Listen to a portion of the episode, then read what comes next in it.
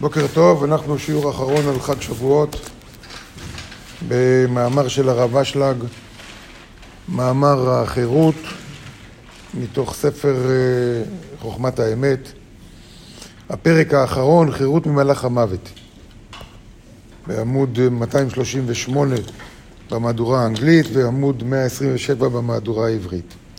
ועתה, אני קורא, ועתה, אחר כל המבואר, מצאנו פתח להבין את דברי חז"ל על היכנם.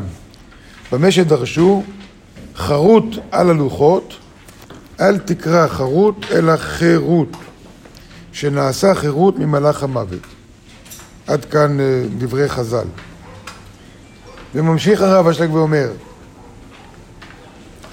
נתבהר, כל מה שלמדנו עד עכשיו, אז הבנו שבני ישראל במדבר לקחו על עצמם את המחויבות לקיים את התורה. התורה היא ואהבת לרעך כמוך, ואהבת לרעך כמוך, זאת אומרת, בן אדם צריך, בשביל להגיע לזה, בשביל לאהוב אחרים כמוני, בן אדם צריך להיות ממש כמו הבורא, כי כל עוד יש לי גוף זה קשה מאוד, ולכן בשביל להיות בורא, בשביל להיות בורא,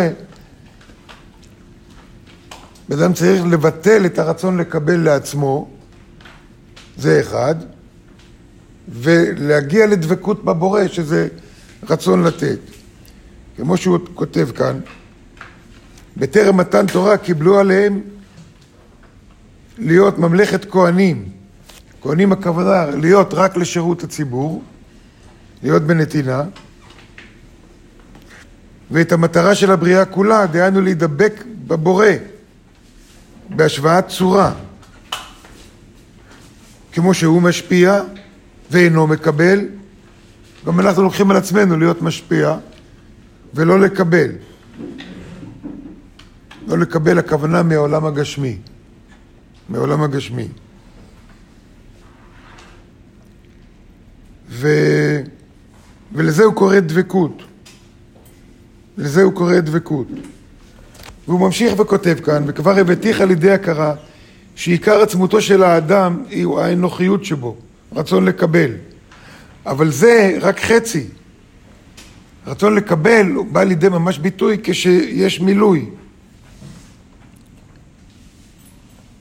וכשבני ישראל, הוא כותב כאן, הגיעו לדבקות מוחלטת, היה להם רצון לקבל אור, לא רצון לקבל לעצמם, אלא רצון לקבל אור, גם אם זה רצון לקבל על מנת לתת, עדיין צינור, כשהוא רצון לקבל על מנת לתת, הוא תמיד מלא. היו מלאים באור. הם היו בהתרוקנות גמורה מקניינים, מלרצות משהו גשמי, רק להשפיע נחת רוח, זאת אומרת, רק לתת. אז הוא כותב כאן, כותב כאן שבן אדם, כן, אז הוא כותב כאן, לקבל, שהרצון לקבל שלה מתלבש באור, הרי התלבש והתחבר עימה לעצמות אחד שלם. ואז הם הגיעו לדבקות בבורא, והגיעו לדבקות בבורא, אז נעשו חורים ממלאך המוות. כי המוות בהכרח הוא, מה זה מוות? כמו, מה זה, מה זה אה, אה, חושך? לא. איך? היעדר אור. היעדר אור. בדיוק נכון. אז מה זה מוות? היעדר חיים. היעדר חיים. מה זה חיים? הבורא בעצמו.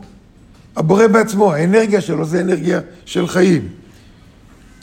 מכיוון שהם נדבקו בבורא, כל הכבוד, המהות שלהם הייתה רצון לקבל על מנת להשפיע, מה שיצר דבקות, נדבקו בבורא, הם נעשו בני חורין ממלאך המוות. כי המוות הוא בהכרח היעדר ושלילת חיים, שלילת הקיום. וזה ייתכן רק כשיש לו איזה ניצוץ של רוצה לקבל לעצמו. כל אתה רוצה לקבל לעצמך, אז לרגע יש, אבל בסיכומו של דבר אין, כי חיים פירושו המשכיות. רצון לקבל לעצמי אומר, אני מקבל לעצמי, ושם זה נעצר. אחרת זה רצון לקבל על מנת לתת. כשיש רצון לקבל על מנת לתת, יש המשכיות, יש חיים. ברגע שהם סילקו מעצמם את הרצון לקבל לעצמם בלבד, אז מה שנשאר זה דבקות בבורא. דבקות בבורא זה אומר חיים. וזה שנאמר במדרש, חירות ממלאך המוות. זאת אומרת, הוא אומר כאן, כשבא על הכוונה של הבריאה רק להיות כמו האור, נמצא העצמות של האדם מתלבש באור וזוכה לנצחיות גמורה כמוהו. כי ברגע שאתה דומה שיווי צורה עם האור, האור הוא נצחי, אתה זוכה לנצחיות. זוכה לנצחיות, אז אתה מלא אור, אתה מלא אור, נמצא שזכה לחירות ממלאך המוות. וזה שכתוב במדרש, זה שכתוב במדרש, בשמות רבה, חירות ממלאך המוות. חופש אמיתי, חירות אמיתית. לא יכולה להיות, כמה חופש שלא יהיה לך. כל עוד אנחנו כבולים בכבלי העולם הגשמי, אין חירות אמיתית. כמו שכתוב במשנה בפרקי אבות, חרות על הלוחות, אל תקרא חרות, אלא חירות. כי המילה חרות כתוב עם ת', לא עם ט'. היה צריך להיות, מילה חרות זה עם ט', אבל כתוב עם ת'. חרות על הלוחות, אל תקרא חרות אלא חירות, שאין לך בן חורין. מי הוא בן חורין? מי בן חורין?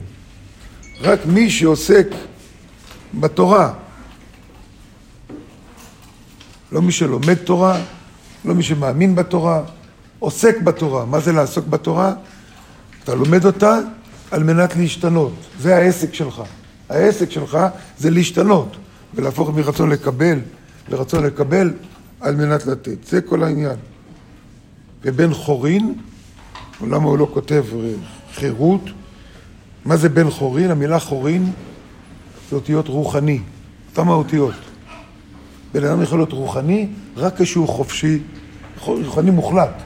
רק כשאתה חופשי מהרצון לקבל שלך. רק אז אתה באמת יכול להיות חופשי לגמרי באמת.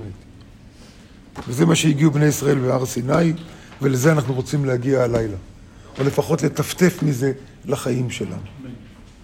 בעזרת השם אנחנו ננסה ונצליח.